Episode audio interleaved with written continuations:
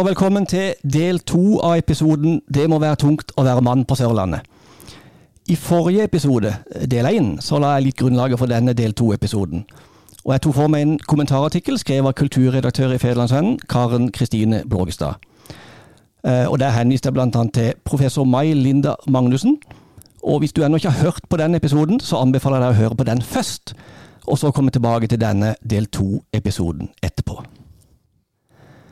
Temaet i dag det er rett og slett likestilling. Og undertittelen på denne del to-episoden det er Er kampen for likestilling over? Fra mitt eget ståsted så føler jeg at det er så å si full likestilling i dagens samfunn. Det er nesten bare ubetydelig forskjell igjen. Og det, de tror jeg faktisk vi bare kan og må leve med. Men på den annen side så er det jo en aldri så liten mulighet for at jeg tar feil. Men først, jeg må få poengtere noe som ikke ble nevnt i del 1-episoden, og som kona reagerte på. Der henviste jeg til nevnte kommentarartikkel i Federlandsvennen, som sier at kvinner på Sørlandet har mer deltidsjobb enn kvinner i andre deler av landet. Og at de tar en større andel av tida hjemme og overlater jobb og pengeinntjening til mannen. Det jeg godt kunne ha nevnt, det er at kvinner som er hjemme, de legger jo ned betydelig med innsats de også. Med klesvask, matlaging og barnestell osv. Så, det er jo ikke sånn at kvinner nødvendigvis bare ligger på sofaen, selv om de er hjemmeværende. Poenget var bare da at du som kvinne, du setter deg jo i en vanskeligere situasjon dersom ekteskap slash samboerforhold skulle havarere, og du har vært hjemmeværende med kun en liten deltidsjobb. Bare så det er presisert. Men hør gjerne gjennom del én igjen, om du føler for en liten oppdatering. Så dette med likestilling, det er ikke så enkelt. Og det er faktisk like vanskelig som det er viktig. Og vi trenger derfor noen gode svar. Og for å få det, så har jeg fått skikkelig eksperthjelp i studio i dag. Og det er ingen ringere enn professor Mai Linda Magnussen, som er UiAs fremste likestillingsekspert. Velkommen skal du være. Tusen takk. Før vi går inn på min påstand her, om at eh, det bare er ubetydelig forskjell igjen, så må du fortelle litt om deg sjøl. Om bakgrunnen din, og hva du arbeider med til daglig osv. Hvem er Mai Linda Magnussen? Mm. Um, ja, hvis jeg da uh, begynner med det faglige, så tenker jeg at det er viktig å si at jeg er sosiolog.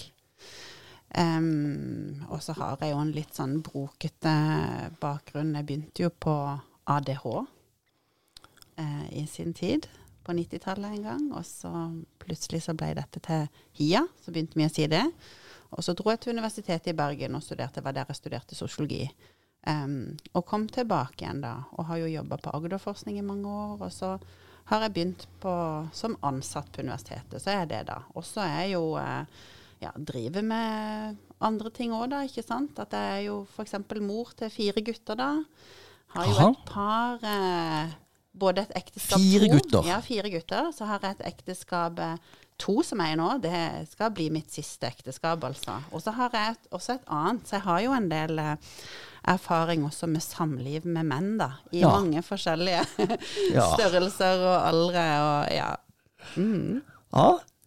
Eh, og sånn som Sjøl så har jeg bare en bachelorgrad. Eh, jeg har lenge drømt om en mastergrad, og så ser jeg opp til de som har en doktorgrad. Men du er jo professor. Mm. Um, det er noe helt annet, er det ikke det? Sånn, hva, må- hva må du gjøre for å bli professor på et felt? Um, ja, da må du jo, i alle fall sånn som i dag, så må du Ja, du måtte ikke det før, men nå er det veldig, veldig vanlig at du har en doktorgrad. Um, og så når du har en doktorgrad, så skal du gjøre et type arbeid som egentlig da tilsier at du har to og en halv eller tre doktorgrader, da. Sant? Det betyr at du skal eh, forske enda mer, du skal publisere enda mer. Men du skal også veilede, både på bachelornivå, masternivå og doktorgradsnivå. Um, og du skal undervise, du skal gjerne utvikle kurs, ikke sant. Og um, ja, det er mye sånn type annet arbeid som du da skal gjøre. Og så er det jo veldig mye vekt på publiseringer, da. Du har fått publisert eh, i vitenskapelige tidsskrift og kapitler i bøker og sånne typer. Er det sånn dere snakker om på, på lærerværelse? liksom sånn Å, nå, nå kom jeg i det tidsskriftet og det tidsskriftet og Ja. Eller sånn, er det noen sånn status? Ja, det er mye status Å, ja. knytta til publisering, men jeg tror kanskje at på det instituttet som er, så er vi nok litt eh, Ja, det er kanskje Kanskje vi Demper det ned Ja, kanskje ikke vi Skryter skryter sånn veldig mye av det, da. Janteloven Ja, det er nok litt uh, Ja, på universitetet. ja, og så tenker jeg at det er nok litt forskjell også fra ulike deler av universitetet, da. Akkurat. Ja, ja, ja. Det er mye interessant som skjer. Veldig spennende. Ja. Nesten ha en episode bare om det en gang. Ja. Eh, Du er jo da likestillingsekspert, men har du forska på andre ting? Eh, Kan du velge hva du vil forske på, eller er det styrt av universitetet? Eh, det kan vi jo for så vidt velge. Men nå begynte jo jeg min forskningskarriere i Agderforskning. Og det er klart, da eh, kan, blir jo det også styrt av din egen interesse, men samtidig av hva noen kan tenke seg å betale for.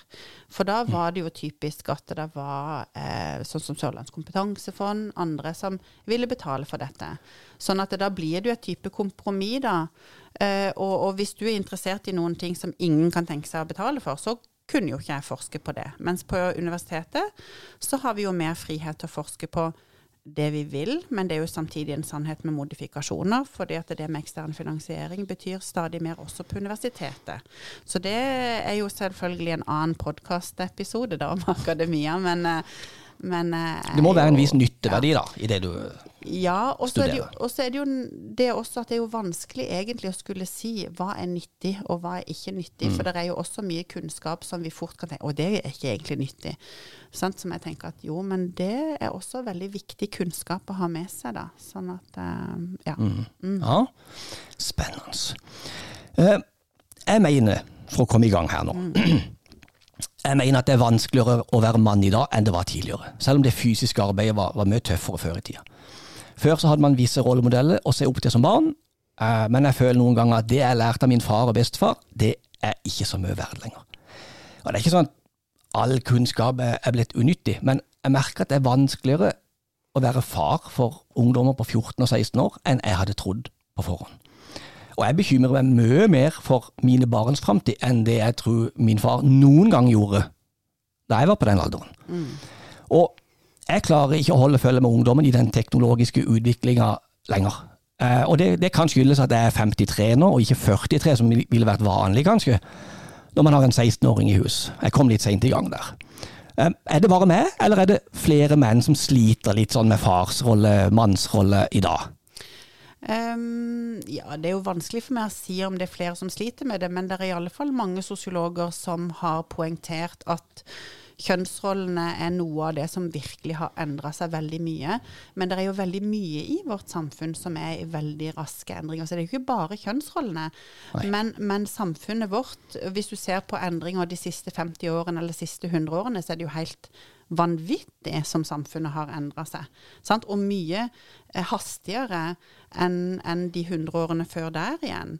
Ikke sant? Så veldig mye har endra seg. Kjønnsrollene har også endra seg mye.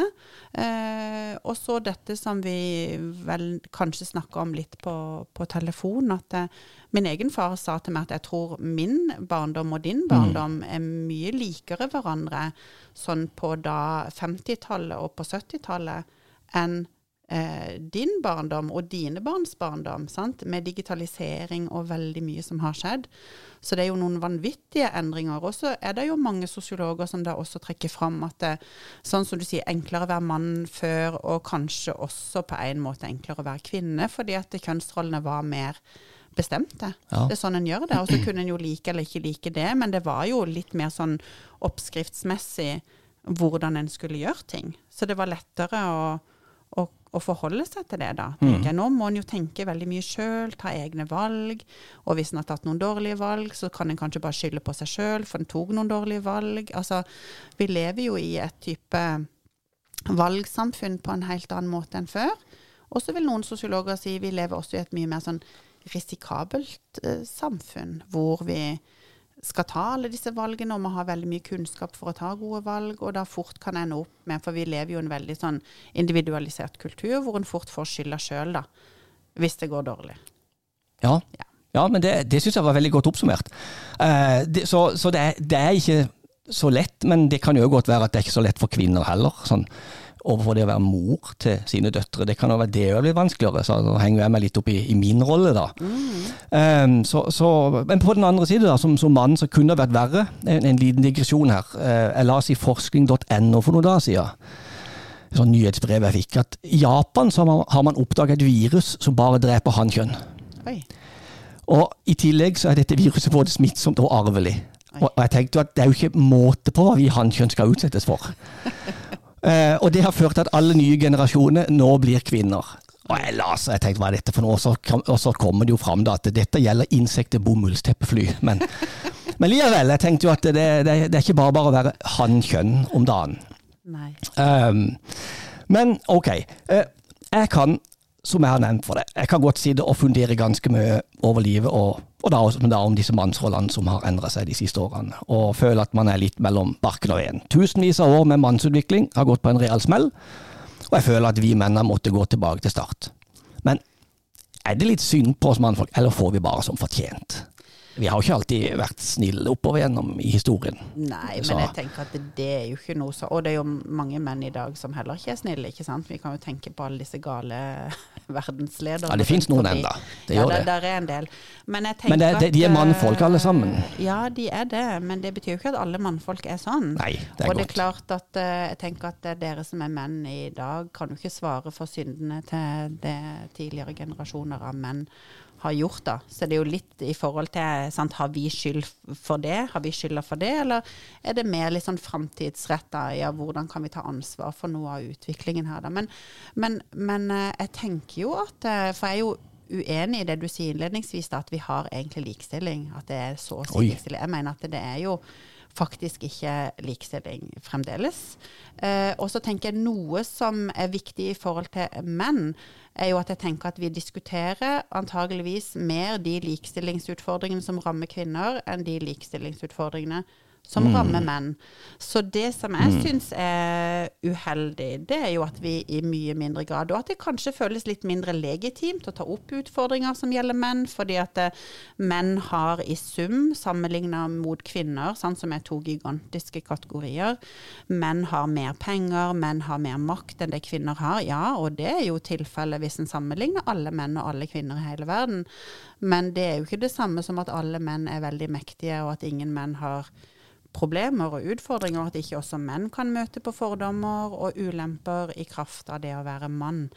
Um, så det snakker vi jo mye mindre om mm. uh, enn det som gjelder kvinner. Og det gjelder jo også, det er jo til menn også, da, tenker jeg at um, menn snakker jo ikke så mye om de tingene.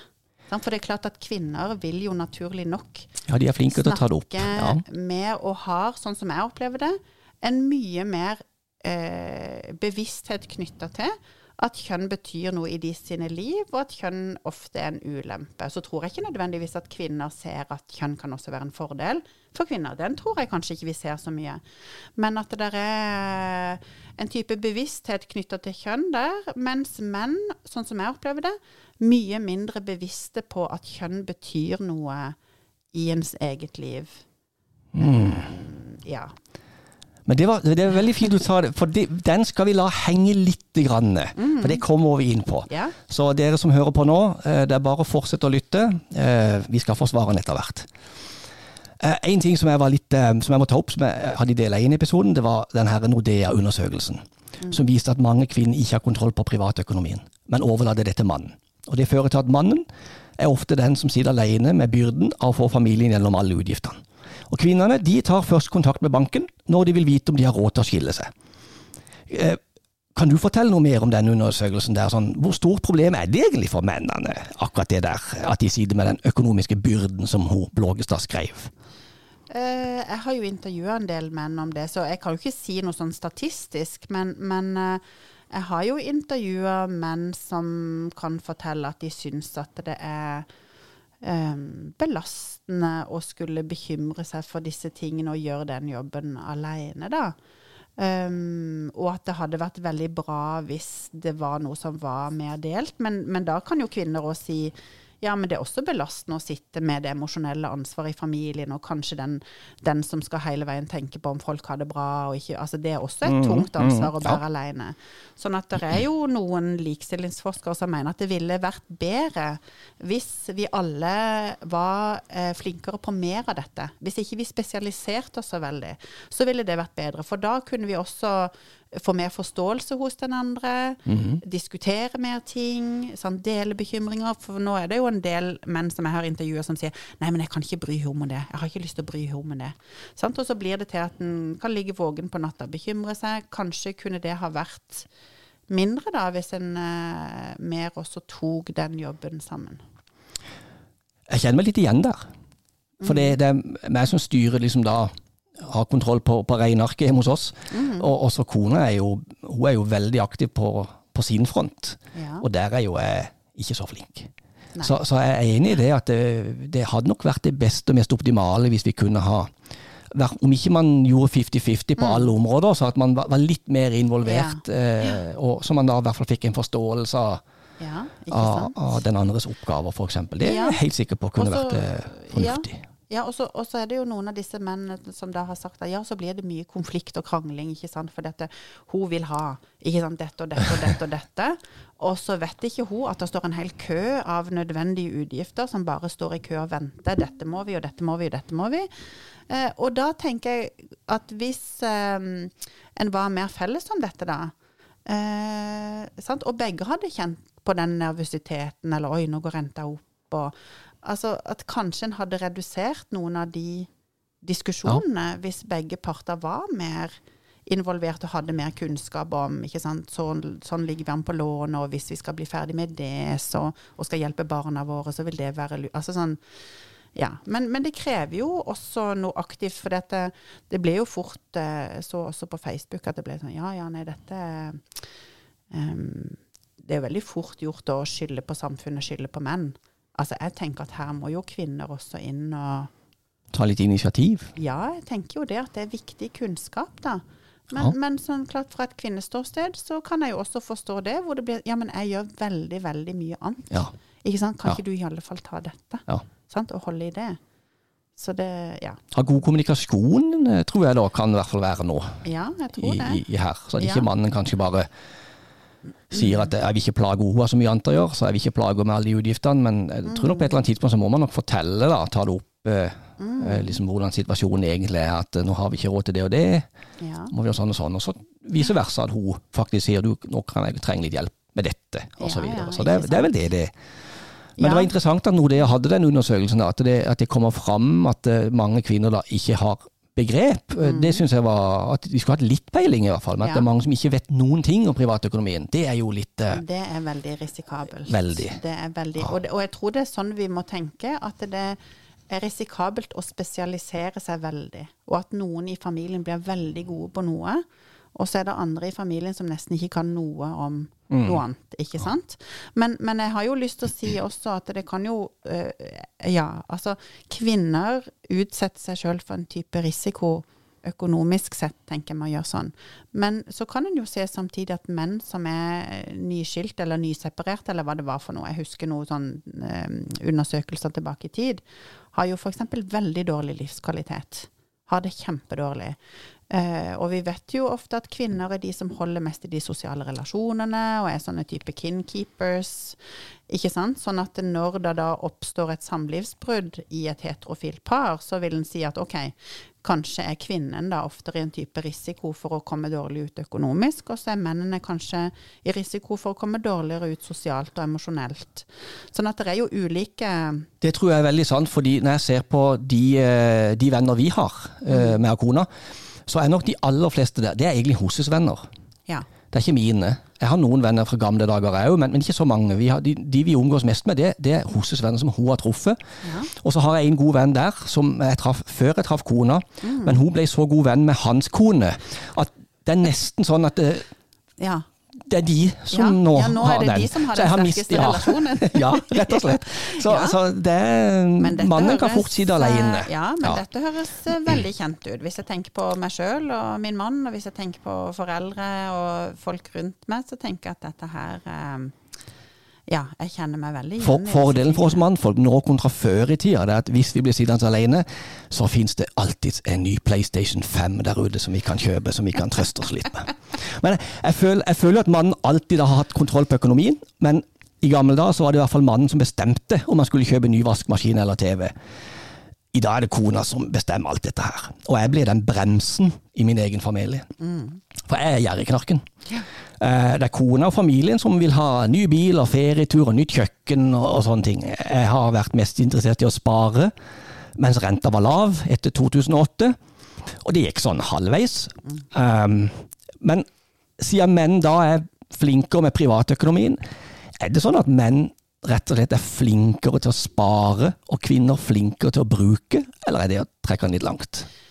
Jeg vet ikke om jeg kan svare på det veldig godt, men jeg kjenner iallfall igjen, sånn som jeg sa i stad òg, disse diskusjonene som en del menn har eh, sagt. Og de har jo sagt akkurat det samme som du sier nå, at jeg blir den kjipe.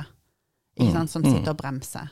Um, men fordi at en har da en type kunnskap, det, det kan jo også handle om Den det. selvfølgelig, kjipe, ansvarlige. ja, ja, ja. ikke sant? Og selvfølgelig kan det jo handle om at en ønsker å bruke penger på det en sjøl vil. Altså, det ligger jo noe type definisjonsmakt også i å si ja, men dette er helt nødvendige utgifter. Det er jo ikke sikkert at alt er helt nødvendig, men 75 tommer flatskjerm. ja. Men, eh, men jeg kjenner i alle fall igjen den typen diskusjoner, da. Sant? Og så kan en kanskje si ja, ja, disse damene. Men jeg tenker at ja, men hvis ikke du da er inne i økonomien, hvis ikke du da har oversikt over hva lønner seg, ikke sant? for du har ikke samla deg den kunnskapen egentlig om hva er lurt for oss å gjøre nå, og hvordan blir det egentlig når vi blir pensjonister, og det er klart at da er det lett å ja, og, og der var jo en intervju som sa ja, ja, men kona mi vil jo ha, tror at vi kan ha alt, mens jeg mener at vi må prioritere.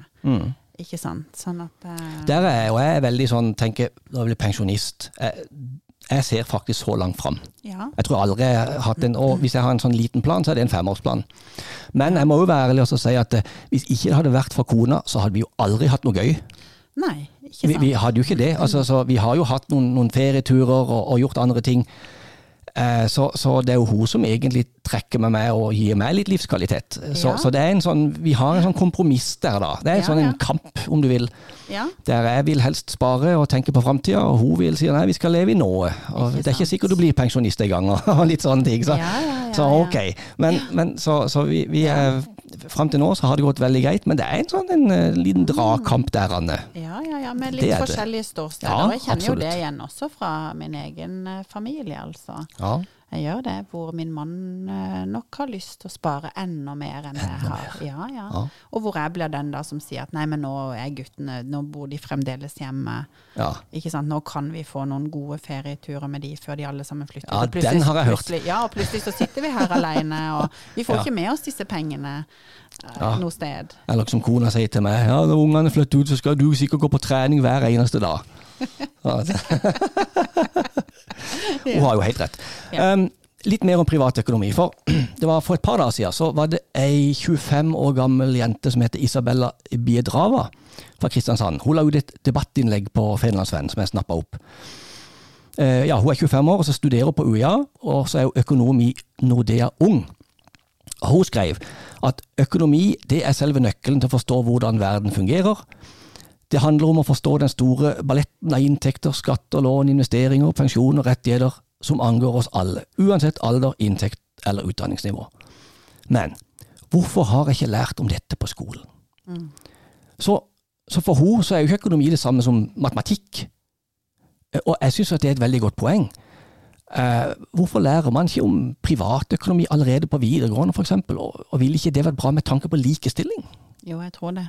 Jeg tror det hadde vært veldig Hvorfor har du ikke gjort noe med dette her, May-Linda? Nei, altså, men jeg har jo noen kolleger på øya. Jeg vet jo hun Ellen Katrine Nyhus, eksempel. Hun har jo vært opptatt av dette.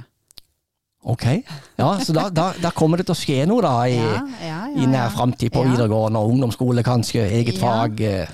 Ja, ikke sant. Så dette er jo noe som økonomene ja, kanskje må fremme Jeg skal ikke si at ikke de har fremma det nok, da, men, men at det ligger litt på Og så er det vi, vi foreldre gjør. Eh, så vi gir jo ukepenger til barna, og så sier vi ja, men dette må vare til helt til neste uke. ikke sant? Mm. Og hvis du hvis du skal ha noe godteri eller ei brus, må du bruke dine lommepenger. Må du sørge for å passe på Ja, skal du på kino, ja, men da kan jeg sponse deg med en kinobillett. Vi sitter liksom og lager en sånn liten privatøkonomi for dem. Men, men Ja. den er jo opp med at de får jo mer enn en det som var planen, uansett, de her eh, Ja. ungdommene. Så jeg hadde jo sett for meg at det kunne veldig fint hvis de hadde hatt eh, privatøkonomi som, som fag. Ja. Så liksom de kunne virkelig øve seg på det. Da hadde jo jeg Ja, følt meg tryggere som foreldre før jeg skulle sende de ut i, ja. ut i samfunnet og visste at de hadde litt peiling på at eh, det er ikke bra hvis det går mer ut enn enn det kommer inn. Nei, ikke sant. Og så er det jo et eller annet med å bare snakke om økonomi og prøve, og bare sånn som vi har diskutert hjemme hos oss, f.eks. at eh, em, en kan bli vant med en type livsstil, ikke Ja, sant? For nå ja. har jo veldig mange og mye penger. Så en kan jo bli vant med en livsstil som det ikke er realistisk overhodet å skulle opprettholde når en da flytter for seg sjøl. Så det er jo litt interessant, fordi at eh, jeg tenker at når jeg flytta ut fra mine foreldres hjem, så øh, ja, så, så var jo den økonomien de hadde Altså, de var jo fremdeles sparsommelig, og det var ikke kanskje så god økonomi, da. Så for meg var ikke dette noe overgang. Jeg hadde ikke heller fått veldig mye penger av de. Så jeg prøver jo å si f.eks. til mine gutter at eh, det er jo ikke vits i å legge opp til en livsstil som du aldri vil ha mulighet til å kunne klare som student, eller et eller annet sånn. Eller du må iallfall være veldig bevisst Mm. på at det er det som vi driver på med her hjemme nå, å kjøpe ikke sant, disse dyre påleggene og det, Dette her er jo ikke noe som du kan Det er ikke bærekraftig. Nei, så, som vi har begynt med når vi var 20 år, ikke sant. Det er et eller annet der. Altså, jeg tror det er veldig viktig bare å diskutere disse tingene, da. Uh, ja. Ja, Så er ikke bare det rent sånn tek tekniske, eller hvordan en skal gjøre, men bare sånn få opp bevisstheten litt rundt. det er meg som går og, og handler mat til familien, så hver tirsdag går jeg og gjør ukeskjøp. Ja. Eh, og det er klart, eh, jeg fikk jo hetta her den gangen når jeg fikk bestilling på sånn røkelaks og sånne ting, og så det var jo den prisen. Så jeg måtte jo rett til guttungen på 16 og si du, to sånne små skiver på hver brødskive. Du kan ikke ha et lass, for det er altfor dyrt. Ja, ja, ja, Så de får en sånn en, eh, Det er en reality check når de kommer ut og skal betale husleie og strøm, og så skal de ut og kjøpe maten sjøl. Så, så jeg tror det er bra å ikke venne seg til Jeg lurer på om jeg skal begynne å bare servere macaroni and cheese hjemme. Kanskje ja, de altså Det som er utfordringen hjemme hos oss, er jo det at vi er jo Vi prioriterer jo egentlig god mat. Ja. Ja, vi Ja. gjør det, altså. Men da på bekostning av noe annet, da.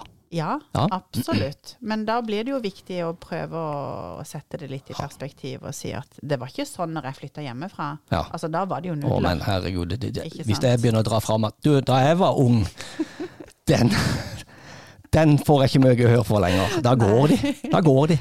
Ja, ja, ja. Uh, ja. Eh, men la oss ta for oss likestillinga nå i dette landet sånn som det er i dag. Jeg kom jo med, med denne påstanden innledningsvis om at det bare er ubetydelig forskjell igjen. Og, men la oss se det først fra en kvinnes perspektiv. Så, hva er de siste bidrag, bidragene i samfunnet nå til økt likestilling i favør kvinner? Og hvor gjenstår det fremdeles noe arbeid på det området? Ja, der er det jo veldig mye å trekke fram. Men jeg tenker jo på den utviklingen som har gått sånn fra 1960 og framover i forhold til det med yrkesaktivitet. Selvfølgelig veldig, veldig viktig. Eh, at kvinner da blei ble mer yrkesaktive igjen. Um, i denne perioden. Tenke i forhold til utdanning. Altså kvinner eh, raser jo sånn sett forbi eh, menn i forhold til høyere utdanning. Det er jo faktisk bekymringsfullt at det begynner å utvikle seg en stor forskjell der den andre veien. Um, og så tenker jeg jo i forhold til selvfølgelig politikk, altså det å være med der eh, i maktposisjoner, kvinner inn i lederposisjoner selvfølgelig. Altså, og jeg tenker jo alt som har vært gjort i forhold til familiepolitikk, barnehager, altså det er utrolig mye der som har kommet kvinner til gode. Uh, og sikkert veldig mye mer enn det jeg også sa nå, da. Um, men så gjenstår det jo mye, ikke sant, i forhold til lønn, f.eks. Ja. Jeg vil jo tenke at, eh, ja, at det er urettferdig, mange av de lønnsforskjellene som finnes i dag, mellom typisk mannsdominerte sektorer og kvinnedominerte sektorer, hvordan vi kan eh, synes at det er mye mindre verdt, eh, tydeligvis, å ta vare på mennesker enn å flytte penger, f.eks., eller ta vare på teknisk utstyr. Um, der er jo uh, i forhold til vold, f.eks., så utsettes jo kvinner for mer alvorlig vold enn det menn gjør. Mer vold i nære relasjoner.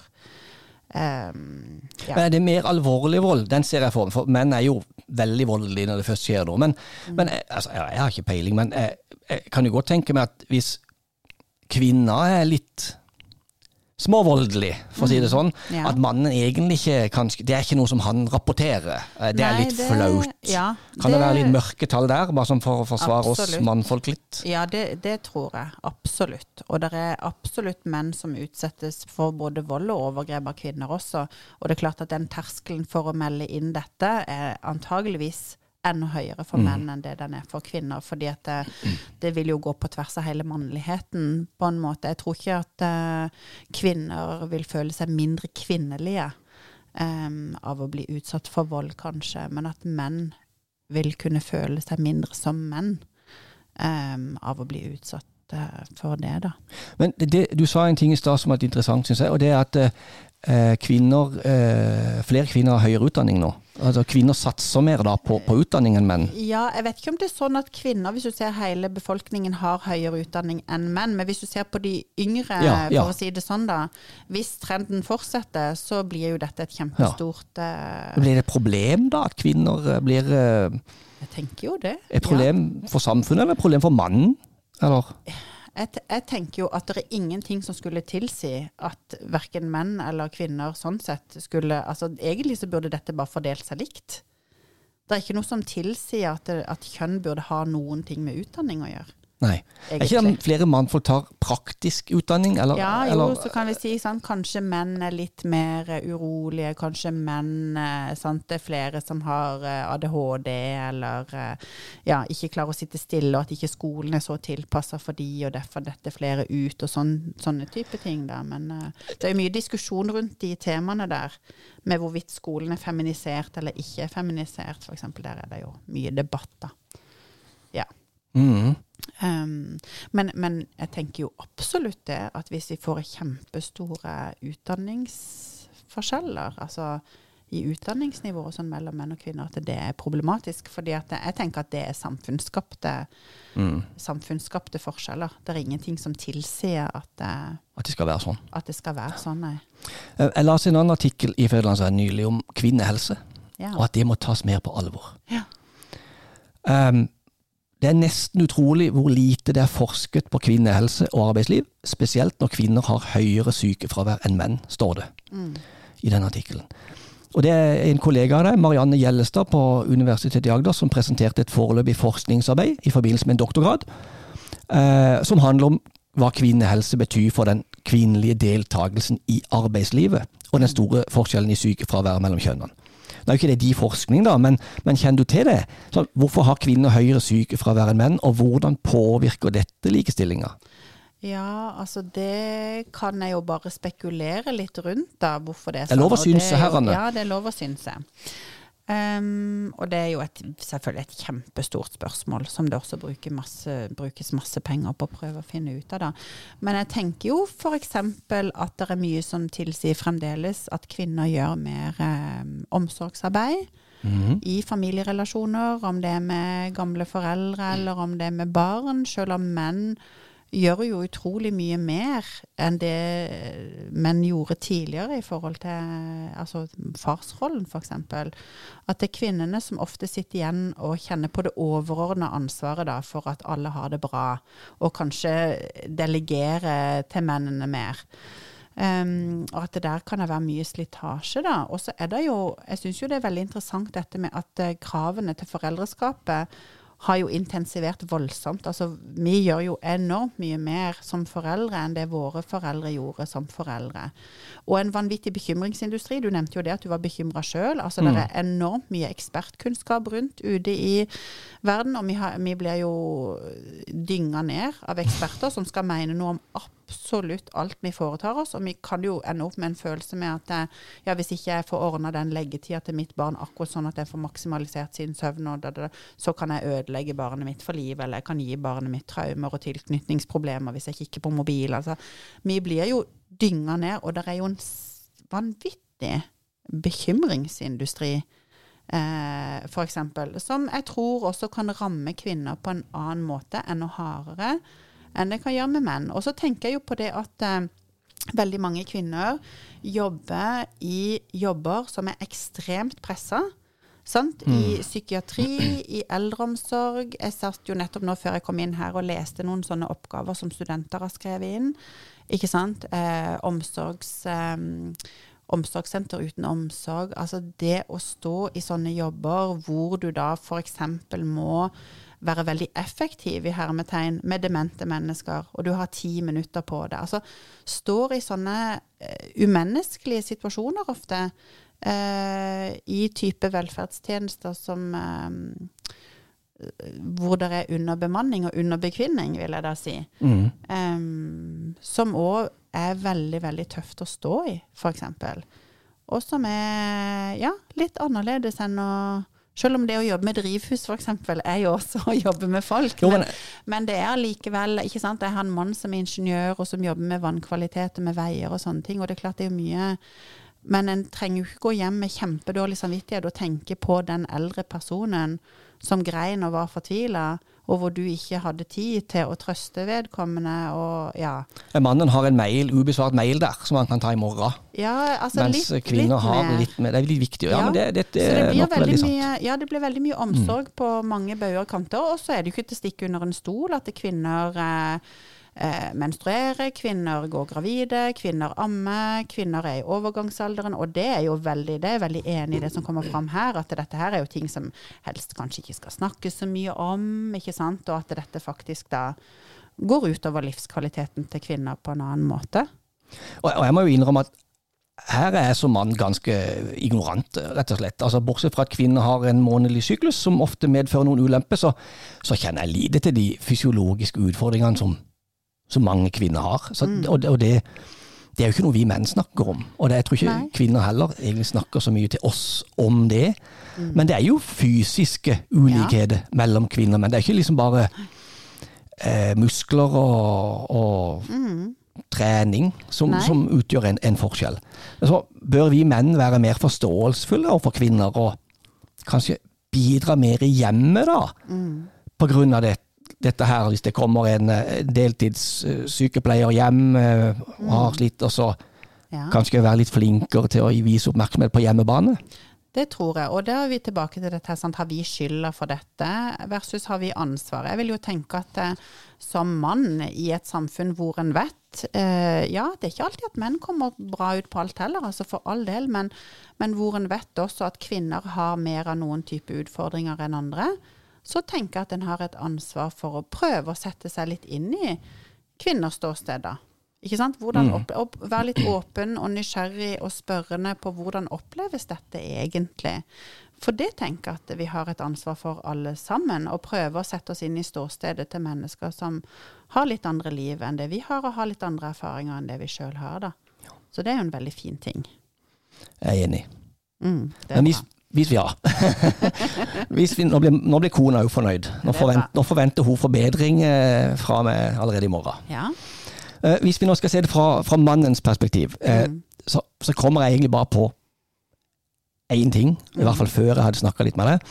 Og det er hvis det blir skilsmisse, så har samfunnet sånn, uten å si det høyt, tror jeg, allerede bestemt at barna de skal være hos mor. Fordi mor er best, ingen protest. Og det syns jeg som mann er veldig urettferdig. ja. Men stemmer det da at de fleste barn faktisk havner hos mor, og at far blir avspist med annenhver helg og 4000-5000 i måneden i barnebidrag? Eller er det egentlig gammel myte? Nja, altså nå sitter ikke jeg med noe tall på dette her, men det er jo mye som tilsier at eh, Jeg vet at kvinner har mer omsorg, altså kvinner som da har gått gjennom samlivsbrudd, har mer omsorg, altså har mer tid sammen med sine barn enn det menn som har gått gjennom samlivsbrudd, har. Sånn totalt sett. Så dette her er jo ikke tatt helt ut av løse lufta, at du tenker Jeg føler det i hvert fall bare sånn. Men Ja. så, jeg kan godt, jeg og jeg sier ikke at det er feil heller at det skal være sånn, fordi mor er jo da som regel den beste omsorgspersonen. Ikke sant? Men det trenger jo ikke å være sånn. Jeg, jeg, altså, jeg, altså, jeg føler meg jo at jeg er ganske omsorgsfull overfor mine barn, men hvis, hvis meg og kona skulle skille oss, så tenker jeg jo at eh, ja, ja, de har det kanskje best med mor, da. Ja. Hun er jo enda flinkere med de enn Ja, dere, ikke sant? ja, men, men det, er jo- det er jo litt sånn urettferdig at det skal liksom være. Opplest og vedtatt at det er utgangspunktet. ja, ja, for det er jo ikke alltid sånn. For det er jo ikke alltid sånn. Det er jo nei, mange nei. kvinner som er ute og sykler, og, og mannen må kjempe for å få omsorgen, fordi han er jo en bedre omsorgsperson for Ja. sine barn. Og jeg har jo en uh, gammel kompis hvor det var han som var hjemme med barna. Uh, virkelig. Og mor var ute og kjøre så det holdt. Um, og så var det sånn etter hvert det ble samlivsbrudd, og hun flytta rett og slett vekk Ja. med eh, disse barna. Åh. Ja, det var helt, det var helt forferdelig, rett og slett. Og, det, det, og da klarte hun nok hun å eh, spille på den der generelle forståelsen av at jeg er jo mor, og den, den relasjonen er tettere, selv om den var jo faktisk ikke det.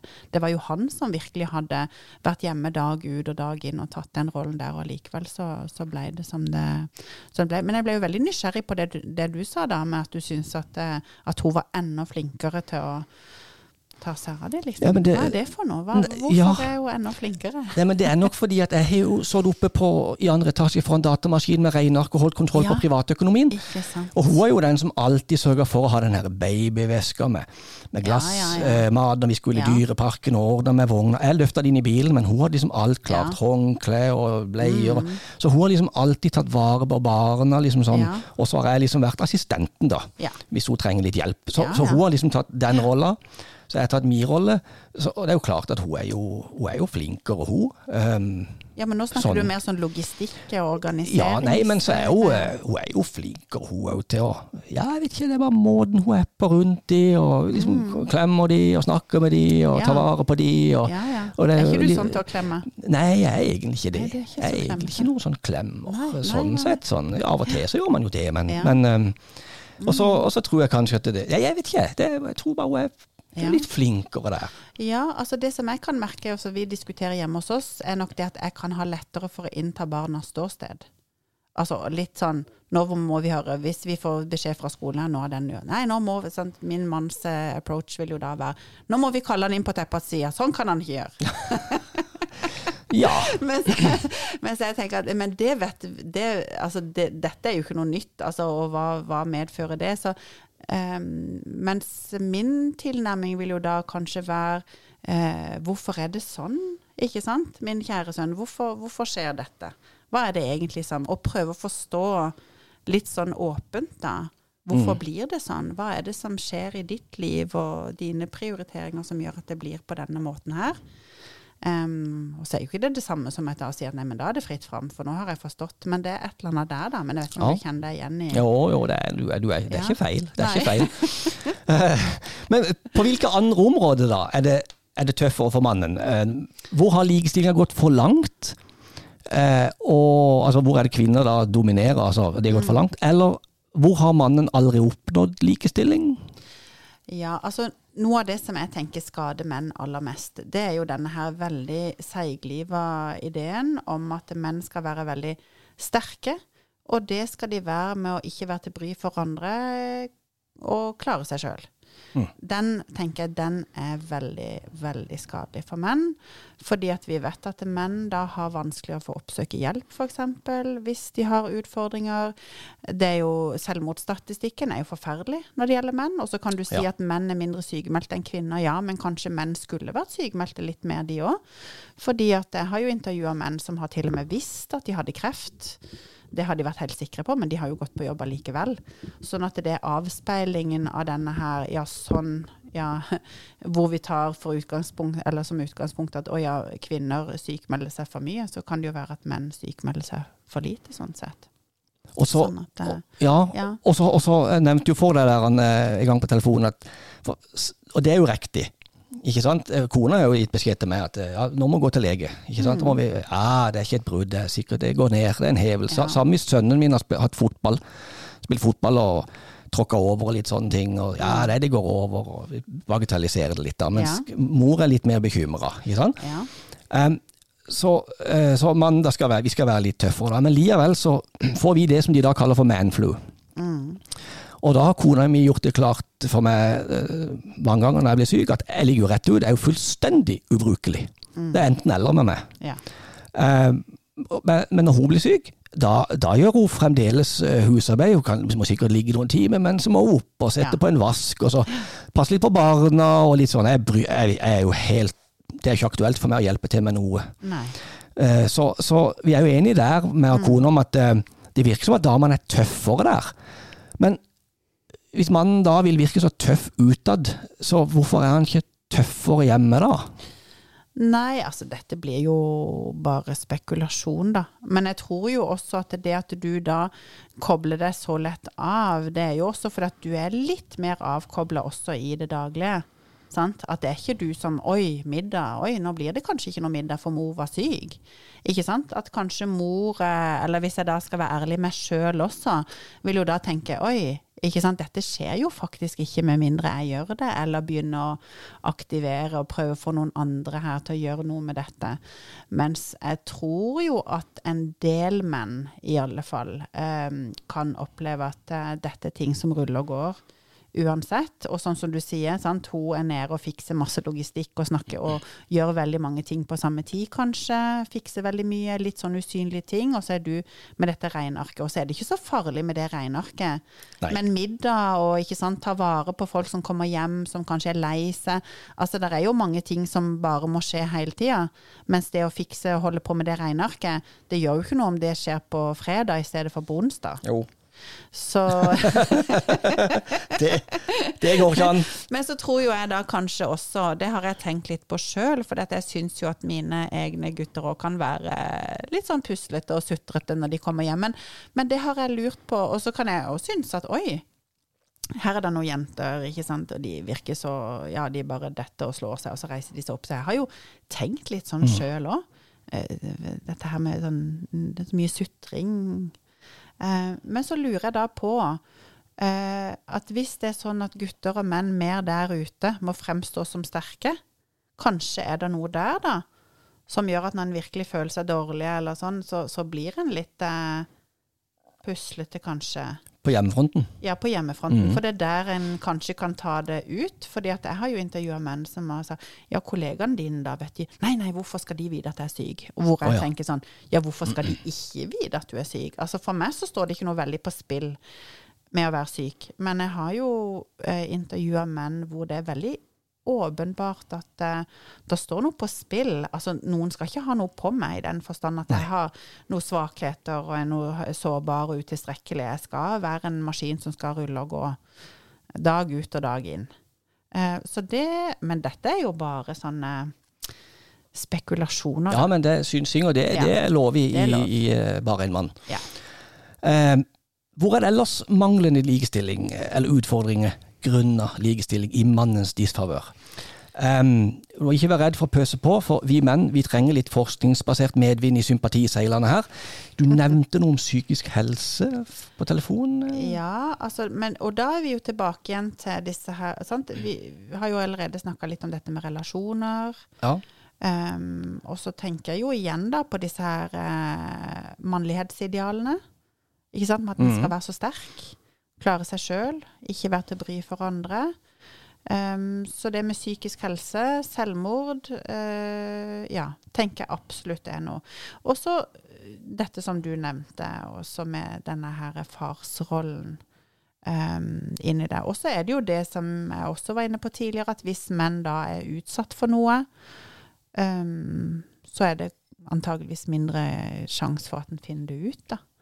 At menn rapporterer mindre inn, også ting som skjer. Um, så det er Ja. kanskje Hører dere det, alle mannfolk der ute? Vi må være flinkere til å ta ansvar for egen helse, og finne noen å prate med hvis vi trenger Ja. det, eller gå til legen. Det er jo, det er jo november, eller Ja. Movember. November, ja. Nei, men det er et eller annet med det å ikke være så Altså, det der må være til bry. Altså, jeg tenker jo at dette her selvstendighet så Vi er jo veldig opptatt av selvstendighet i Norden. Vi skal klare oss sjøl. I en del andre kulturer så tenker en jo mer Mm. kollektivistisk og fellesskap, og kanskje både gir mer til fellesskap og forventer å få mer igjen, da. Men akkurat det der kan bli ganske sånn uh, ensomt, tenker jeg. Um, ja, og det, og det, der må være til bry. At, eh, og, og, hvis ikke en vil være altså, Jeg tenker at til syvende og sist så blir en kanskje til bry for noen uansett. Det blir vi vel alle sammen. Mm. Eller de fleste av oss blir jo det, hvis ikke vi bare dør sånn på mm, en ulykke, pang, så var vi vekk. Vi vil jo være til bry for ja. noen. Men vi har kanskje hjulpet noen før. Ja. Som har gjort at det, det, det er greit Nei, det er å være andre. Til, Nå er det vår tur til å å få noe igjen. Og så tenker jeg at en del av disse mennene som er, å nei, jeg skal ikke være noen til bry, jeg skal ikke gå til legen, jeg skal ikke gjøre noe ut av dette her, så har jo problemet egentlig bare blitt større. Så det at hvis du er så veldig, veldig redd for å være til bry, og, og, så, så, blir du kanskje mer til bry. In the end. In the end. ja. altså, nå, er, nå, er, ikke det sånn alvorlige ting, da, men jeg, jeg, kjenner meg litt igjen i det, det være til bry. Jeg, jeg, vil, jeg, vil, helst ikke spørre folk om hjelp mm. til, til sånn vanlige ting, ikke alvorlige ting, ja. men eh, til Hvis vi skal eh, ja, hva som helst av type dugnad eller flytting eller mm. sånn. Jeg, jeg, vil ikke spørre noen om noe hjelp ja. hvis ikke jeg virkelig trenger to ekstra hender. Ja. Um, for det jeg vil, ikke, jeg vil ikke stå gjeld til noen. Nei. Jeg vil ikke at noen ringer til meg og liksom, ja, ja. Men, men, igjen, hvis folk spør meg, så stiller jeg opp. Ja. For jeg, jeg syns det er helt ok, men jeg vil helst ikke Mm. Spørre andre. Ja. Eh, det var en gang jeg spurte en kamerat, for vi, kona ville ha et boblebad av alle ting. Mm. Og vi har et trapp opp i andre etasje med sånn, lille, sånn vinkel, sånn lille hjørne.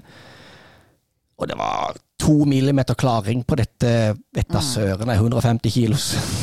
Ja. Eller det var, det var ikke så tungt, kanskje, men boblebadet som jeg og han skulle bære opp. Å herre, det var et styr. Og han nevner jo mm. det fremdeles når vi, når vi treffes, uh, hvis det er et eller annet Han skal ha hjelp til noe, så er det jo bare Du, uh, husker du boblebadet? Så, så jeg, sånn, jeg, jeg, vil helst ikke være til bry ja. uh, for noen med å mase hele tida. Mm. 'Kan du hjelpe med det? Kan du hjelpe med det?' Kan hjelpe med det? Så jeg vil, jeg vil, helst Kan jeg? Fikser jeg det sjøl. Ja. Fordi jeg vet at for alle andre er jo opptatt med sitt. Ja, jeg vet det. Jeg, jeg kjenner meg veldig igjen. Jeg gjør det, sjøl om jeg ikke er mann. Så bra! men, men, jeg tror eh, eh Jeg tror òg at det der har noen slagsider, da. Um, mm, og at vi kan bli litt ensomme òg i det der. Og, og jeg har jo eh, foreldre som begynner å trekke på årene, og de er òg veldig oppdratt til å klare seg sjøl. Mm. Og så sier jeg men vi kan jo komme og hjelpe med det og det. Nei, nei, nei, vi skal ikke det. Så jeg tror jo at det har sine skyggesider, den der kulturen vi har, altså. Må ikke skulle være til bry. Mm. Ja. Um, og, det, og Angående det med psykisk helse, så kommer jeg bare til å tenke på at For det, det snakkes jo veldig mye om at jenter, unge jenter de stresser så mye. Mm. Karakterer og alt sammen sånn på skoler. Men jeg hører sjelden om gutter som gjør det samme. Mm. Og når vi snakker om sånn ø, psykisk helse og støtte til psykisk helse, og sånn, så får alltid inntrykk av at det, det er liksom jenter. Mm. Uh, er det jeg vet ikke om du kjenner altså Du nevner jo litt om, ja. om dette her med mannfolk, men er det, er det noe når man blir mann, det at man begynner å få litt sånn problemer med eventuelt psykisk helse, eller er det noe som er tidlig? Har gutter òg det? Også unge gutter, f.eks.? Eller? Det er jo veldig vanskelig å si disse tingene, for det er jo også tall som da baserer seg på selvrapportering, ikke sant? Ja. Og der vil jo jeg tro at jenter vil nok oftere rapportere inn i sånne store kvantitative undersøkelser at de har psykiske problemer, f.eks., enn det menn har da. Men, men, jeg tror at menn og kvinner har hver sine psykiske utfordringer. Jeg har en kollega som heter Janne Lund, som har forska på unge jenter og skolestress. Og, og det er jo helt åpenbart at disse jentene da eh, er stressa over prestasjon og skal være veldig flinke og få ting til, og blir stressa hvis ikke de får til. Men kanskje, kanskje jentene tar det mer ut. Kanskje jentene snakker mer med hverandre om sånne ting. Og at de er stressa, men at de får støtte og anerkjennelse fra andre, da, som kanskje også ofte er jenter, mens, mens mennene og guttene mer skal bære det sjøl. Jeg har jo sett på mine egne sønner òg, at de har hatt kompiser som jeg vet har vært oppi vanskelige ting som har skjedd. Og så kan jeg si ja, hvordan går det med Anders, liksom? Nei, jeg, jeg, jeg, så sier jeg jeg tror det går bra. Ja. Ja. Jeg tror det går bra. Altså dette må du jo Så, så, så der, der, Nei, så der tror jo jeg faktisk at jentene har en fordel med at en kan kjenne stress, en kan kjenne press, på, selvfølgelig, som også handler om kjønn på forskjellige måter. Men jeg tror at kvinner og jenter snakker mye mer og får utløp for de ting. Og det er jo kjempeviktig, for én ting er jo hvordan du har det og hva du står i, men noe annet er jo hvorvidt du faktisk får lufta disse tingene, kan få litt forståelse foran av andre. Sant? Og der er det kanskje også en litt sånn kjønna ting. Det kan jeg iallfall merke i mitt Ta utgangspunkt i min egen eh, ekteskap, da. Ikke sant? At kanskje hvis jeg sier noen ting til min mann Jeg tror ikke han tenker sånn nå lenger. Så føler han kanskje Oi, nå skal jeg fikse det.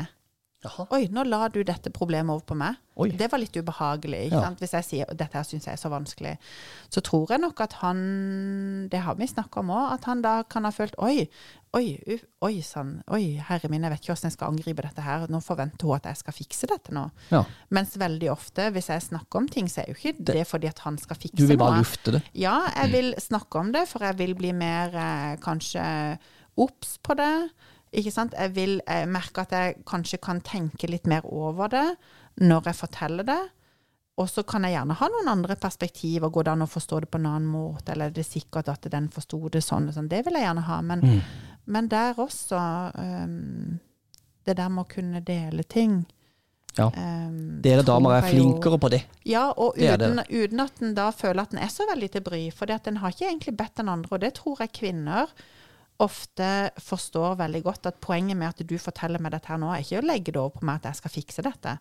Men du har egentlig lyst til at noen skal si Oi, det hørtes tøft ut. Få litt Altså. respons. Ja, bare Ja, at, noen, at noen vet Ja, men dette her, jeg anerkjenner det, og dette her syns jeg hørtes veldig tungt ut. Så trenger en kanskje ikke så mye mer enn det. Og så er det faktisk en kjempestor Selv om utfordringene er de samme, så er det en veldig stor forskjell i det. Mm. Ja. Kanskje. ja, men det tror jeg du kan være eh, inne på noe der. Mm.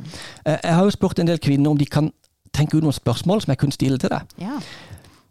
Jeg må jo innrømme at det har ikke vært all verdens respons. Eh, Jeg har fått mer respons tidligere på andre spørsmål, og det, det virker litt som om Det virker som om kvinnene er fornøyde. Um, det virker som det ikke er verdt å stå på barrikadene lenger, for det er uansett bare smule igjen Mm. Før man mener likestilling er komplett. Det er bare sånn Mm. Ja. er det. Nei. Sitter du med det inntrykket? Nei. Nei. Ja, at kvinner tenker det. Ja, at kvinner. Eh, At de er egentlig fornøyde. Nei, ikke de kvinnene som er kjent. Men jeg tror det Nei. kommer veldig an på hvilke kvinner du kjenner, holdt jeg på å si, og hvilke miljøer en beveger seg i og sånn. Eh, jeg opp, altså, beveger meg nok mye i kretser hvor mange kvinner ikke er fornøyde. Ja. Ja. Ok. Og kanskje noen til og med burde vært litt mer fornøyde. Det kan, det kan godt være, altså. Syns du at Er, vi menn, er vi menn av den oppfatning at det å klage på manglende likestilling, det er noe som er forbeholdt kvinner? Ja, jeg skjønner hva du mener der. Jeg tror det er mye mer gehør for kvinners likestillingsutfordringer enn for menns likestillingsutfordringer. Rett og slett. Og at vi kan falle litt i den der privilegiefella. At vi tenker å ja, men menn må bare øh, holde munn. Og spesielt hvis det er hvite menn som pusher 50, så må de Ja. iallfall bare tie stille. For de har jo ingen problemer. Men vi, vi, vi kan jo alt. Vi er jo de ekspertene. Hvite menn 50 pluss. Vi Ja, men- burde, burde, burde ikke høre mer på oss.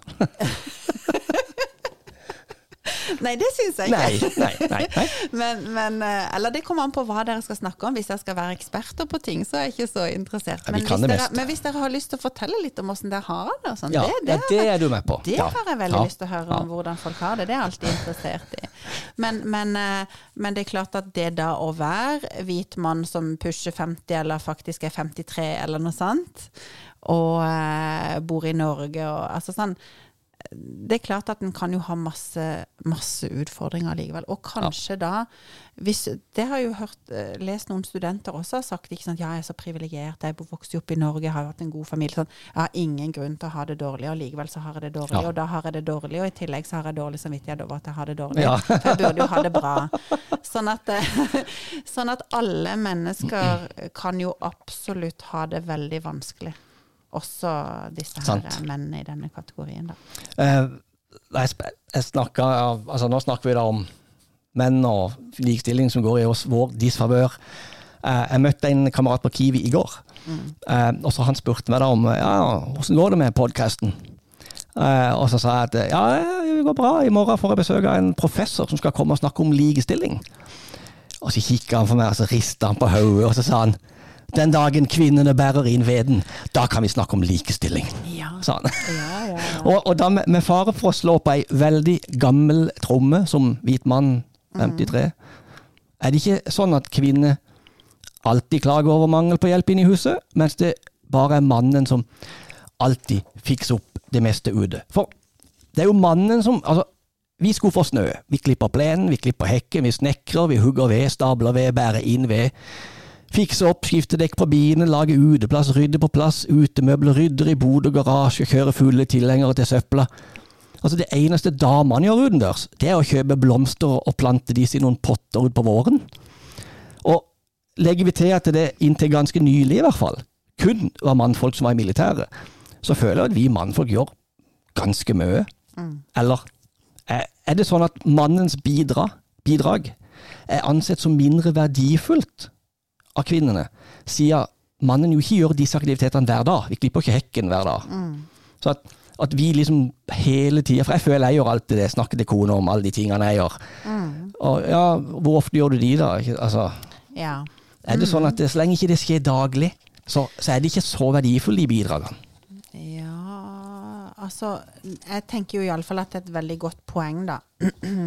Dette med ved og med vedlikeholdsarbeid. Sant? De mennene som jeg intervjuer, gjorde jo masse oppussingsarbeid. Og, og dette økonomiske arbeidet som vi allerede har eh, snakka om. ikke sant? Må passe på budsjettene og sørge for at en har grei rente, har relasjon til banker. Det er iallfall veldig mye av det menn gjør mest av ofte, som ikke eh, kanskje er på bordet i like stor grad. Det, det mener jeg iallfall helt bestemt. Og at det er noe som kan kanskje forsure ja, og, og gjør kanskje at menn ikke egentlig ønsker å delta noe særlig i noen likestillingsdebatt. For det er en del Jeg tror kanskje at en del menn har en følelse av at det er en del ting her som ikke er på bordet. Og så kan vi godt diskutere når tingene er på bordet, hvem gjør mest, og hvem gjør de mest slitsomme tingene. Men, men det er mye som, er på, som ikke er på bordet. Og så tror jeg jo, sant, hvis vi går tilbake til det Excel-arket, eller den veden, eller den ikke sant, med bilen og sånn, at eh, hvis du har med mennesker å gjøre, da, som kvinner har antageligvis enda mer av enn det menn har, så er det jo det at um, det kan være mer akutt, ikke sant? Um, og litt vanskeligere. Altså Det vil jo min mann også si, at jeg vet ikke hva jeg skal gjøre med disse ungene. Jeg vet ikke hvordan jeg skal forholde meg til dette, her, og lage kompromisser og holde på og prøve å være streng. og prøve, altså sånn, Det er jo veldig mye mer komplisert å ha med mennesker å gjøre Ja, det er det jo. eh, enn å, ha, å ta inn den veden. Ikke sant? Eller dette Excel-arket. Så, så, så det er jo en mer kompleks oppgave. Og jeg vil tenke at når du har små barn, så er det også veldig akutte ting. Folk skal sove nå. Ikke sant? De skal spise nå, de er sultne nå, de har, skal ha ny bleie nå. Altså at det er noe med at hvis det er generelt kvinnene som gjør mest, som har med folk å gjøre, og håndtering av følelser å gjøre, så um, kan en oppleve at en del av disse tingene kanskje er mer akutte, mer vanskelige, mer, mer bekymring. Sant? En blir kanskje ikke så bekymra over den plenen. Altså sånn, det kan jo være litt irriterende at du hadde lyst til å ha en fin plen, og så måtte du vente noen dager før den ble fin. Men kanskje, det er kanskje ikke noe som tynger sånn. sånn. Kvinnene kanskje da bekymrer seg. Når jeg mer, påpeker for kona alle de tingene jeg gjør, Ja. litt sånn tunge ting, Mm. så sier hun jo, men husk at eh, jeg er hjernen, du er musklene. Og det, det, det verste er at jeg tar det som en kompliment. Så um, I den første episoden i, i denne podkastserien så tok jeg opp annet kvinners artige bruk av personlige pronomen. Ja. Uh, og du nevnte litt av det i stad, for det, når du sier noe til mannen, så oppfatter han det som at oi, nå skal jeg fikse dette. Og, og det er jo ikke det du ville. Nei. Men på den andre sida, veldig ofte, for det har jeg hørt fra mange, jeg fikk veldig god respons på det. yeah. Eh, mange kvinner de kan si nå må vi gå på søpla, eller tror du vi trenger å støvsuge litt? Og det finnes jo en hel haug av de. Og vi betyr alltid du. Al- Altså, og mannen må dermed få fua i gir. Du er en sånn som bruker personlig pronomen sånn på hjemmebane? Er det derfor mannen kanskje plutselig tolker det sånn? Jeg tror kanskje hjemme hos oss at det er faktisk mest han som bruker det sånn. Men jeg Oi. gjør det av og til sjøl også. Men han Nå må vi eh, lage middag. Ja, ja, ja, ja. Jeg tror faktisk hos oss er det han som gjør det mest. Og så sier jeg du mener vel at det er jeg som skal gjøre det? Ja, ja, ja, jeg mener at det er Oi. du som skal gjøre det. Jeg tror det er litt omvendt der.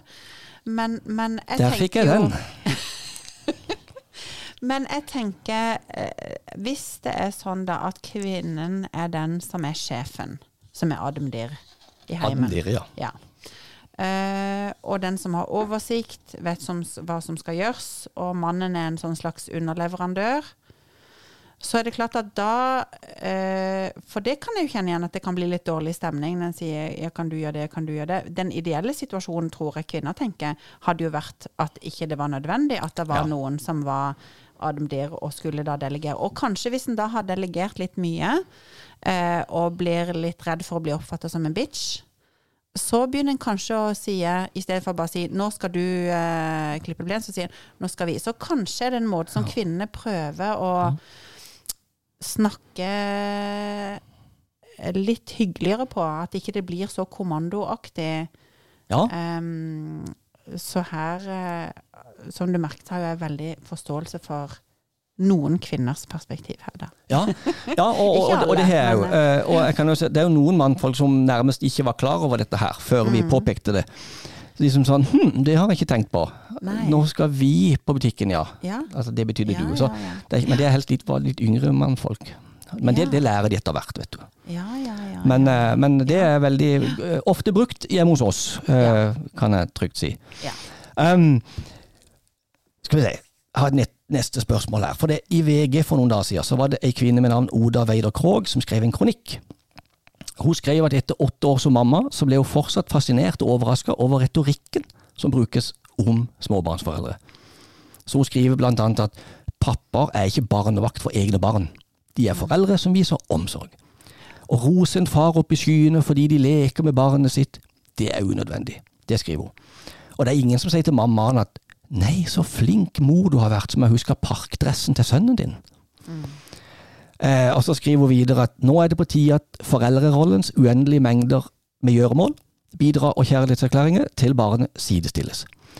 Og jeg, for, jeg vet ikke om jeg helt forstår hva hun mener her. Er, er hun lei av at mannen får ros hver gang han gjør noe for barna og familien? Eh, samtidig som det er forventa at kvinnene skal gjøre sine ting. Er det bare det? Ja. Ønsker kvinner mer ros og anerkjennelse? Er det neste likestillingskrav? Jeg tror det er mer det at en skal slutte å snakke om menn som barnevakt, f.eks. Ja. Ikke sant? Eller sånn, sånn som jeg forstår den saken, da, så er det jo det at hvorfor i all verden skal en rose, menn at det blir litt fordummende. At en skal rose menn for eh, å gjøre ting som mødre gjør hele veien, uten noe anerkjennelse. Ja. Det, det var sånn jeg forsto den der eh, saken. Litt pinlig taushet fra min side der. Men, men det er greit, jeg tar den til meg.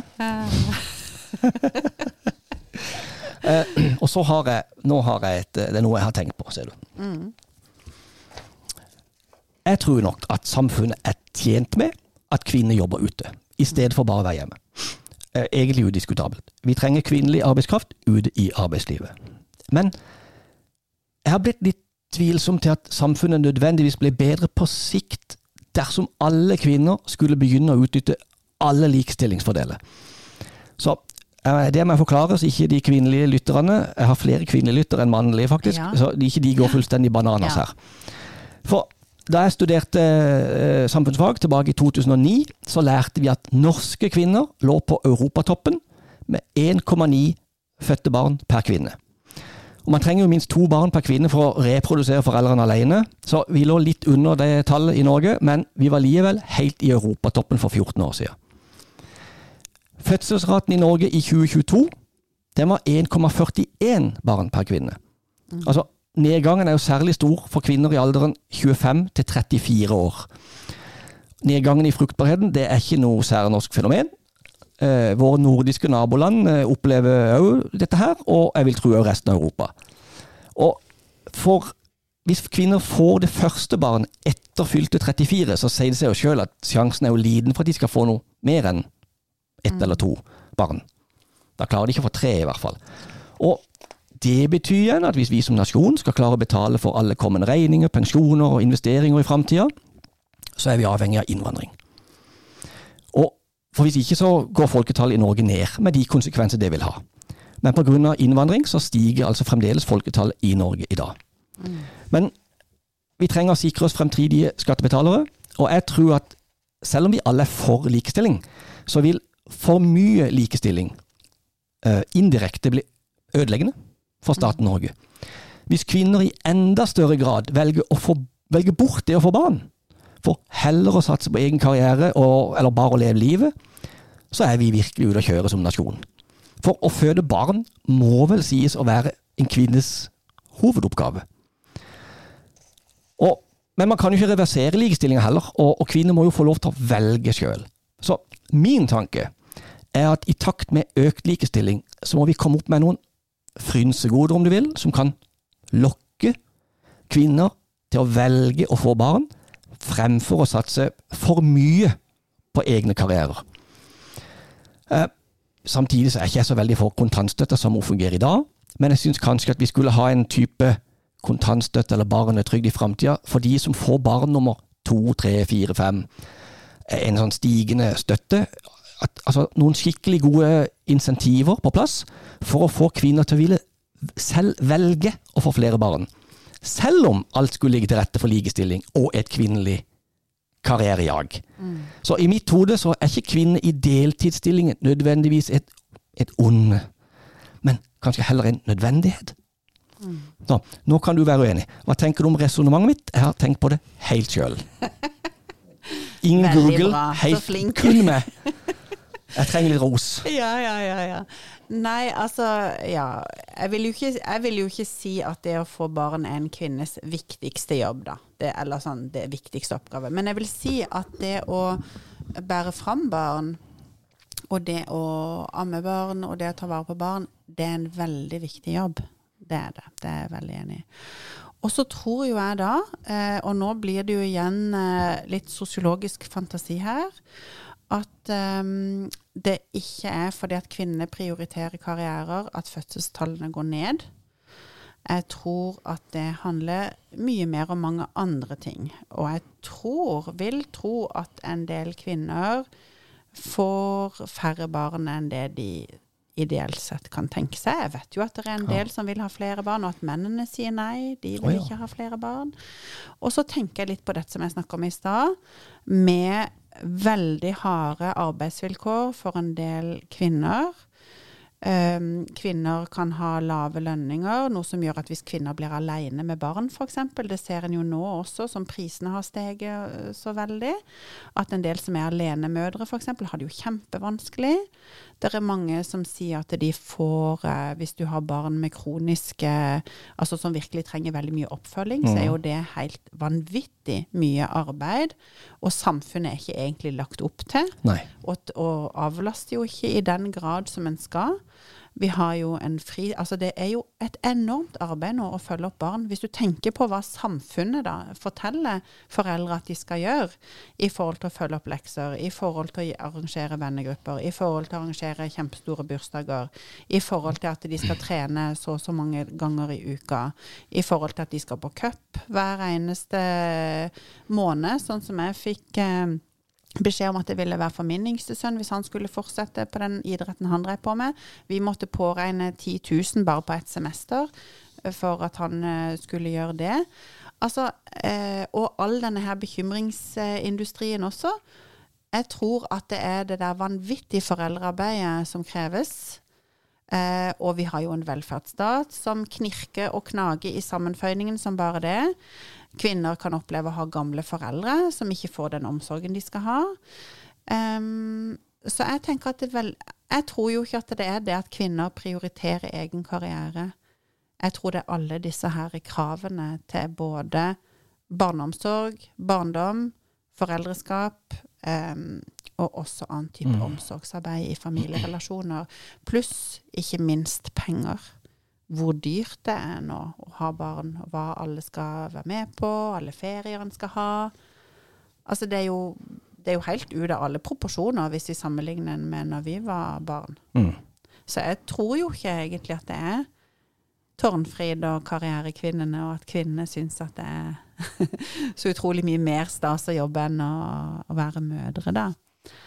Um, så derfor så tror jo jeg at hvis vi skal få kvinner til å få flere barn, hvis vi tenker at det er viktig, så vil jeg jo tenke ja, men ta lønn kvinner bedre, da. Sånn at de vet at hvis de kommer opp i et samlivsbrudd, så kan de klare seg.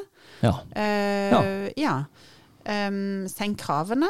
Få skolene til å mase mindre på foreldre og alt det de skal gjøre. Mindre prestasjonspress. Mindre bekymringer og press fra masse profesjonelle. Ja.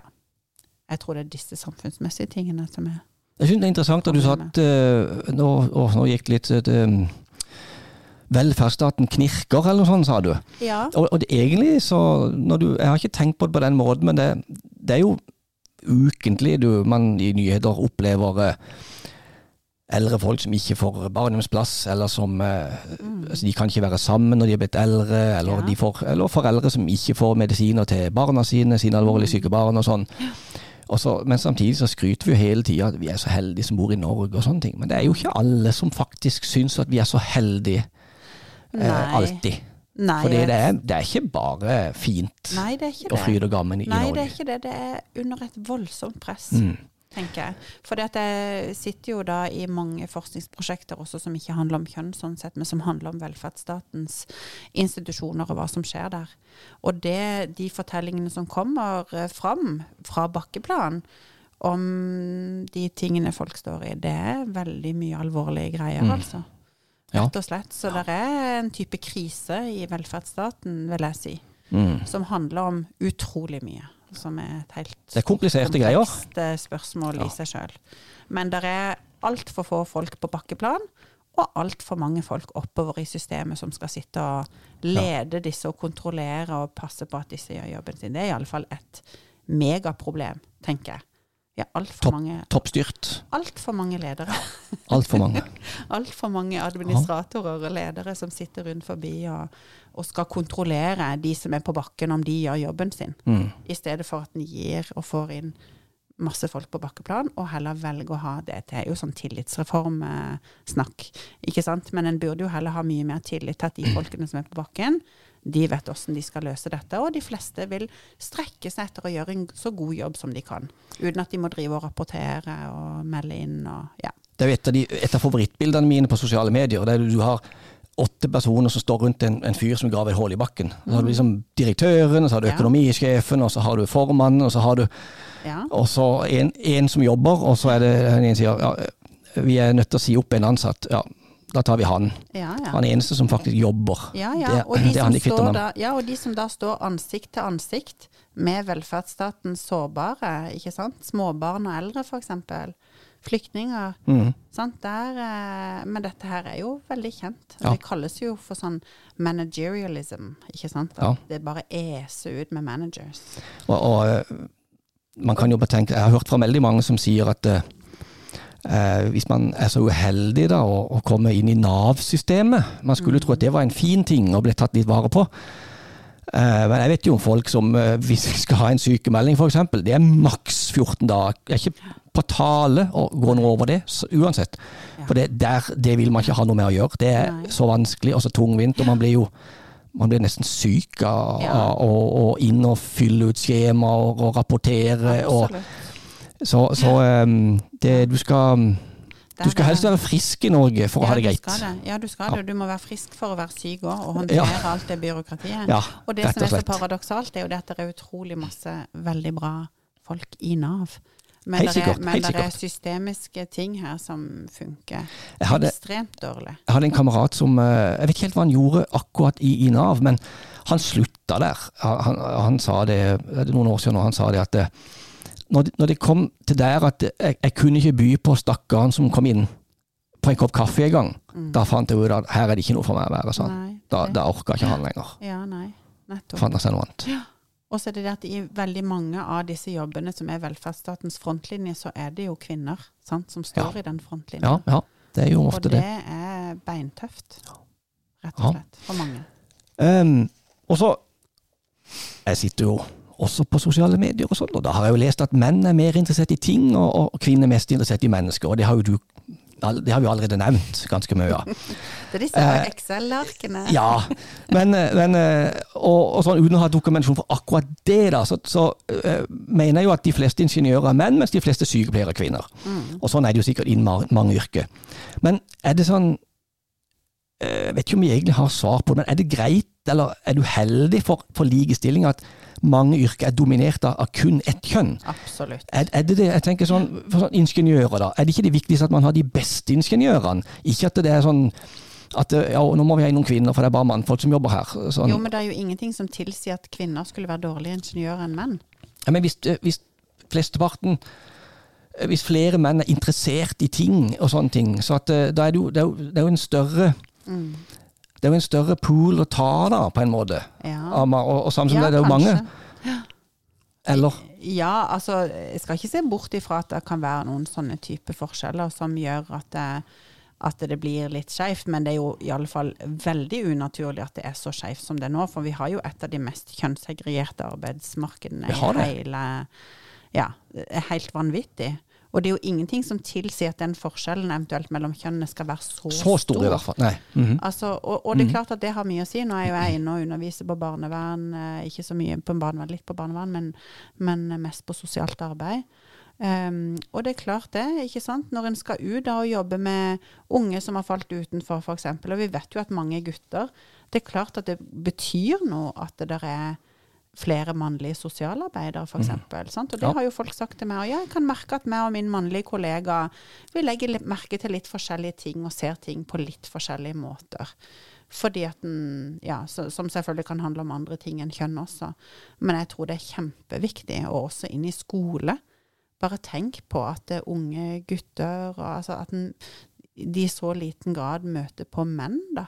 I, på den arenaen også. Det er jo veldig problematisk. Ja, for man tenker vel fort at en, en, en, en sånn farsrolle, mannsrolle, det er liksom far.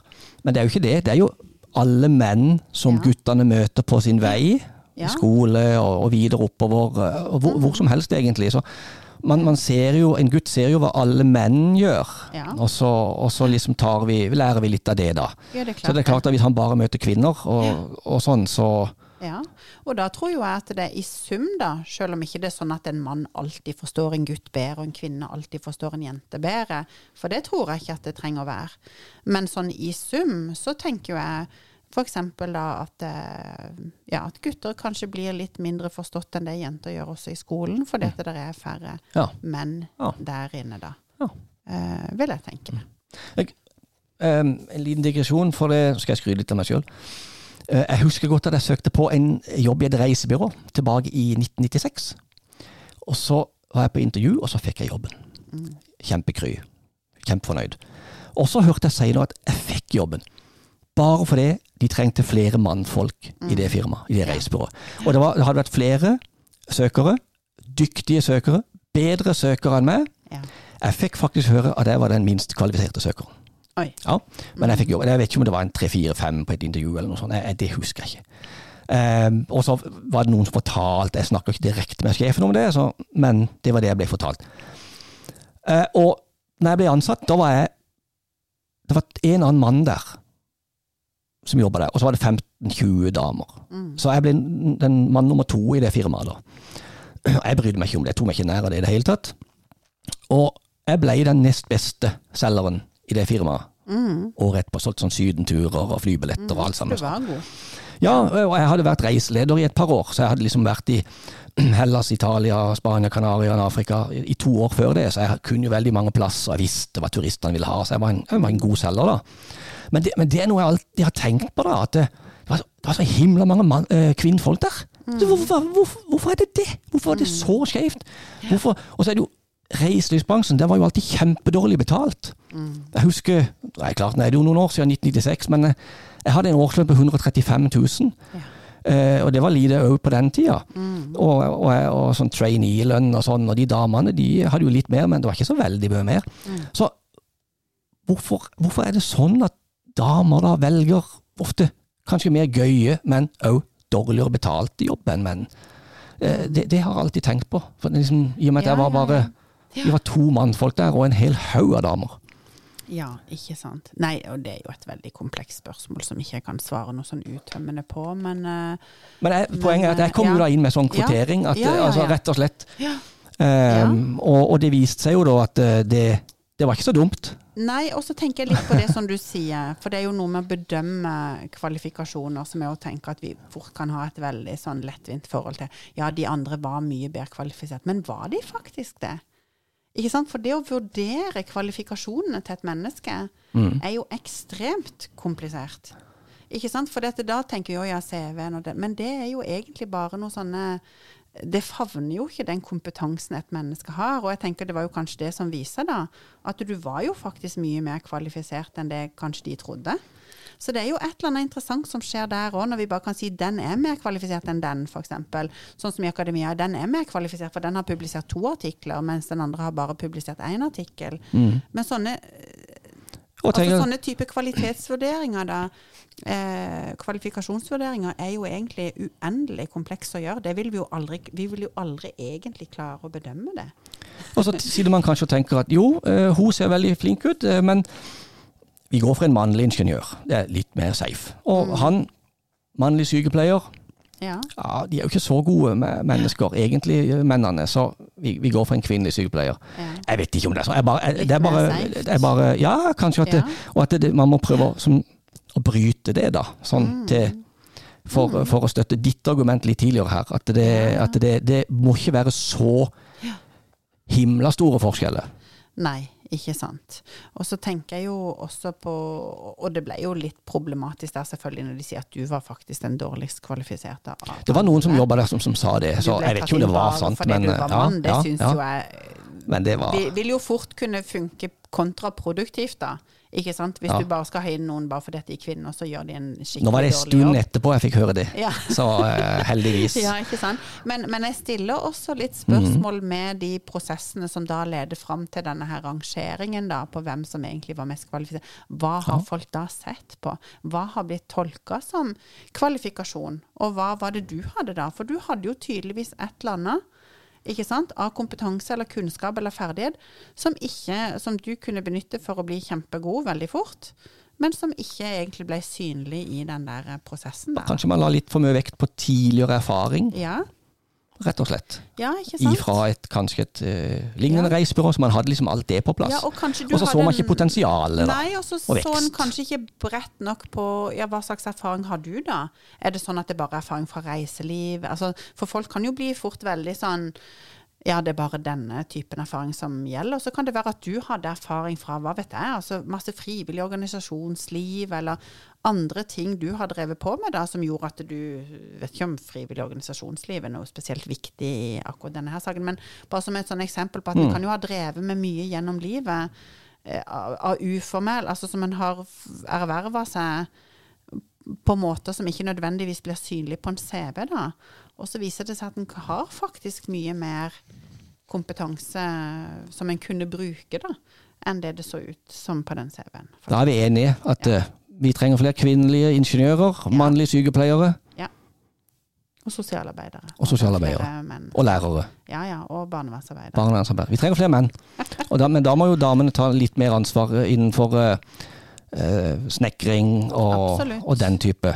Absolutt. Ja. Ja, ja, ja. Det, det er jo ingen det er, Altså, jeg kan være enig med deg at det er kanskje noen ting som vil føre til litt slagside den ene eller andre retningen, men det arbeidslivet vi har i dag, det er ikke i nærheten av å kunne forklare det ut ifra noen type biologi. Og, og det er jo sånn at hvis du går til Italia, for eksempel, så tror jeg sånn rundt en tredjedel av sykepleierne er menn. Ja. Sånn? Så det er jo også ja, mange andre ting, da. Historiske ting, og hvem som har eh, vært i et yrke gjennom historien, og hvorvidt dette har blitt sett som et høystatusyrke eller ikke. Masse sånne type ting som eh, kommer inn her og gjør noe med det. Interessant. Ja. Ja. Du, vi skal, jeg nevnte jo at det var ikke all verdens med, med svar når jeg spurte om spørsmål. Jeg kunne stille det, men jeg fikk noen. Ja. Og da leser vi bare rett opp her. og Det er Vil alle menn ha Altså spørsmål fra lyttere, da. Vil alle menn ha likestilling? Jeg tenker på de gode gammeldagse gentlemen. Er det lurt for deres selvbilde at de fortsatt kan få lov til å føle seg litt som kongen av heimen? ja, det kan godt være at det er bra for de. Det, og jeg tror ikke heller nødvendigvis at alle menn vil ha likestilling, nei, det tror jeg ikke. Men jeg tror jo sånn i stort, i et mer likestilt samfunn, så har også menn det bedre, faktisk. Det, går, det er ikke bare bedre for kvinner, men det er bedre for alle med mer likestilling. Men, men eh, altså, jeg har ikke noe kjenner ikke på noe veldig vrede i forhold til hvis det er noen litt gammeldagse menn som ønsker å ha en litt Leve litt sånn som eh, Ja, som de kanskje sjøl har blitt oppdratt av.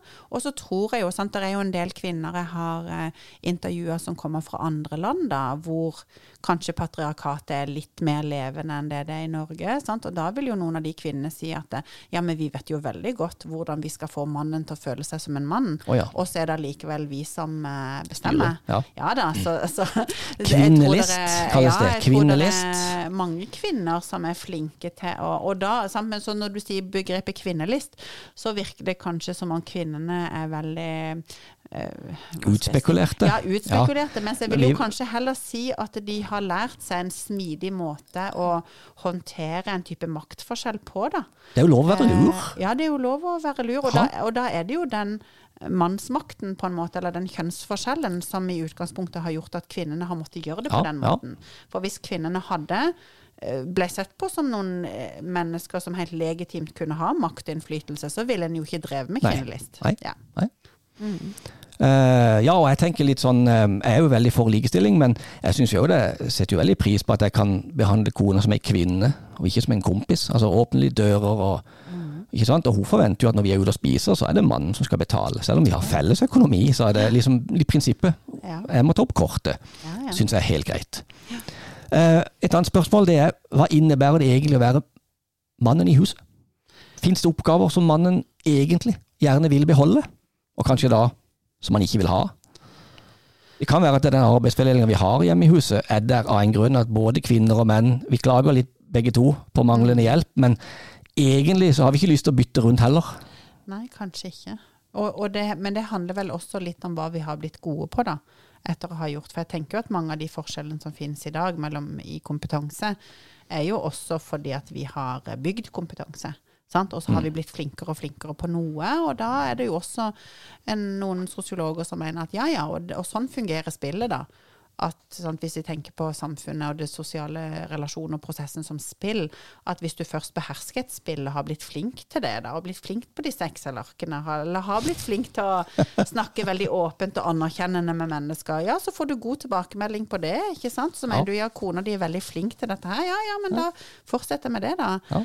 Altså, ehm, så det ligger jo litt i sakens natur at hvis en kommer inn i en sånn type spesialiserende, hvor en spesialiserer seg litt på ting, så så, vil jo fort bordet fange litt, da. Um, men hvorvidt mm. men, Og jeg tenker at det vil jo variere helt garantert ja. veldig mye fra familie til familie også. Om en egentlig er fornøyd med de oppgavene en har, eller om en kan tenke seg Det er ikke sikkert kulturelle forskjeller rundt om i, i land, geografiske ja, forskjeller? Ja, helt sikkert. Og veldig mye mangfold internt i de individuelle familier også. Et spørsmål her. Hvis man er en ung mann eller kvinne på vei ut i det moderne samfunnet for å søke lykken, hva er da viktig å tenke på? Og med tanke på da at det er heller foreldrene til disse unge menn og kvinner som hører på denne podkasten, så hva, hva, kan man hjelpe de unge med? Hva er viktig å lære de i ung alder? Ja. Og da, jo, da, tenker jeg jo litt sånn likestillingsperspektiv ja, ja. Og, og, litt sånn Ja, men eh, kanskje litt tilbake til ja, litt tilbake til dette her med å kanskje ikke spesialisere seg for mye. Sant? Altså at det er viktig da for disse unge kvinnene også å, å gå all in når det gjelder økonomi, f.eks. Og at det er veldig viktig for de unge mennene, og det tror jeg jo sånn sett også at de men, men at en virkelig investerer i familierelasjoner, at hvis en får barn, da, Um, det vil jo jeg iallfall tenke på med mine gutter, at det er veldig viktig at de ja, bruker tid i disse relasjonene. Um, og ikke bare sitte med disse Excel-arkene, f.eks. Mm. Og så har jeg jo vært litt i forhold til mine egne. Sant? Det er jo kanskje lettere for meg å se det når det gjelder unge menn, da, siden det er de jeg omgås mest sånn i det daglige. Men, men jeg er jo veldig opptatt av f.eks. at um, for det kan jeg kjenne litt på som en sånn guttemamma, tror jeg. At eh, når mine eldste sønner har fått kjæreste, så har jeg følt meg litt sånn Å ja, nei, men nå har jeg en ny kvinne i mitt liv. Og nå trenger ikke jeg snakke så mye med deg, mamma, for nå har jeg en annen. Jeg tror jo oftere kanskje at gutter og menn har én som de deler veldig mye med, og at hvis eh, de da får en kjæreste i stedet for En konkurrent? Ja, så blir det på en eller annen måte en litt sånn konkurransesituasjon. Fordi at, eh, og, og det der har jo jeg vært veldig på i forhold til mine gutter. da med Ikke tenk sånn. Altså, Du trenger de nære relasjonene du kan, og det vil være veldig Om alt går på skinner nå i dette forholdet, så vil du ha veldig nytte av eh, og glede av å være åpen med meg, og at vi kan fortsette å ha denne relasjonen. Og at du kan spare ting med meg, for at du kan eh, ja, banne på at disse, denne her kjæresten din hun er veldig flink til å spare med sine venninner og diskutere, og du kan fort komme i en litt sånn avmektig posisjon, fordi at jeg tror at kvinner og jenter er så utrolig flinke til å snakke med hverandre, diskutere ting, finne ord for ting, øh, finpusse argumentasjonen sin. Så der er jo jeg på mine gutter òg, at bare fortsett å snakke og kom og luft ting her, så skal jeg backe deg på Ja, altså nå blir jo dette veldig sånn bare noen eksempler, da. Men, men jeg tenker det der at en skal kanskje prøve da å um, både opprettholde og bygge mange sosiale relasjoner, også for uh, gutter og menn, og denne her spesialiseringstanken. Mm. At det prøv å ha kontroll på at, du, og at du kan gjøre de tingene som skal skje i en familie, og at ikke det er ting her som du kanskje plutselig ikke kan, da. Mm. Eh, men, men, det betyr jo ikke at jeg tenker at de unge i dag ikke, ikke vet dette eller ikke kan dette. da, Men uh, ja. Greit å ha litt, uh, litt, ja. litt, fokus på det. Ja. Det, er, det, er jo mye som skjer. Har, du nevnte helt innledningsvis, det er jo et uh, valgsamfunn. Jeg vet ikke, jeg husker hva det du kalte det, men det, det, er så mye å velge mellom. Mm. Og, og, det at uh, man kan jo fort glemme mm. hva som er viktig oppi alt dette her. Ja. Ja, ja. Eh, viktig å, å ha, ha, det med i tankene. Um, en kvinnelig kollega av meg hørte på del 1-episoden og, og snakka om det temaet hjemme. Eh, det jeg nevnte med artikkelen til Blågstad. Mm. Og etterpå de hadde snakka om det her hjemme, så hadde mannen gått ut for å jobbe litt, og han hadde starta da motorsaga. Mens eh, kollegaen min hun hadde satt seg ned med strikketøyet. Mm. Og så hadde dattera hennes da eh, gått bort, og så kikka ut av vinduet og så kikka på mora si, så hadde hun sagt det hadde jo vært litt rart hvis det var du som sto der med motorsaga. Så kanskje greit at ikke alt er helt likt. Det var liksom det som eh, ja, at, Vi, at vi Selv om det er ikke noe i veien for mm. å bytte plass, men eh, ja. jeg tenker at eh, det er litt greit at vi har det sånn som vi har det. Ja, det at vi mannfolk kan være mannfolk, og damer kan være damer. Sånn. Men, men, hadde hun blitt mindre dame av å gå ut der og stå med motorsaga? Nei, det er ikke sikkert hun hadde blitt mindre dame, men jeg tror han hadde blitt mindre mann da han stod der og strikka. Ja, men det er nettopp det. Og det er jo, det er jo veldig interessant, fordi det det der jeg tenker at kvinner da faktisk har mer eh, handlingsrom. Og, og det, handler ja. litt, det, handler jo litt, da om at de mannlige eh, aktivitetene og interessene eh, kanskje sånn har høyere status, da. Ikke sant? Sånn at det har litt høyere status kanskje å drive på med motorsag enn å strikke, eh, og, og, at det har noe med det å gjøre. Men, men, det er jo mye lettere for kvinner å gå inn og gjøre type mannsoppgaver, hvis vi skal kalle det for det, enn det er for menn å ja. gjøre ting som assosieres med noe kvinnelig. For menn må jo for all del ikke være i nærheten av noe kvinnelig, eller noe som kan virke som det er homo, eller et eller annet sånt. Det er jo veldig truende. sier ja, forskning. ja, sier forskning. Eh, jeg har gått, eh, jeg har gått tom for spørsmålet, eh, men jeg er jo helt sikker på at det finnes utrolig mye mer å snakke om. Har du noe annet som, sånn, som, jeg, som jeg ikke har kommet inn på, som er viktig og som fortjener å bli nevnt her, så er det bare å gønne på. ja. Jeg føler jo at jeg har fått snakka mye av de tingene som opptar meg, iallfall. Ja. Du er fornøyd? Ja, jeg er veldig fornøyd. Ja, det var veldig eh, gøy å snakke med deg. Da, da er det på tide å runde av for i dag. Og for en dag det ble. Tusen takk til professor Mai Linda Magnussen for at du ville komme. Takk for at jeg fikk komme. Det, det rett og slett det ble en høydere. Så bra. Ja. Tror jeg må kjøpe ei bløtkake på vei hjem. Syns at uh, dette må feires. Så bra. jeg håper alle har blitt litt smartere og fått noe å tenke på. Hvorfor ikke skjenke kona eller mannen en kopp kaffe og ta en liten debatt om temaet likestilling der hjemme? Abonner og del gjerne podkasten med alle dine venner og fiender på Facebook og Instagram. Vi trenger hjelp til å spre det gode og viktige budskapet. Takk for at du hørte på. Vi høres i framtida.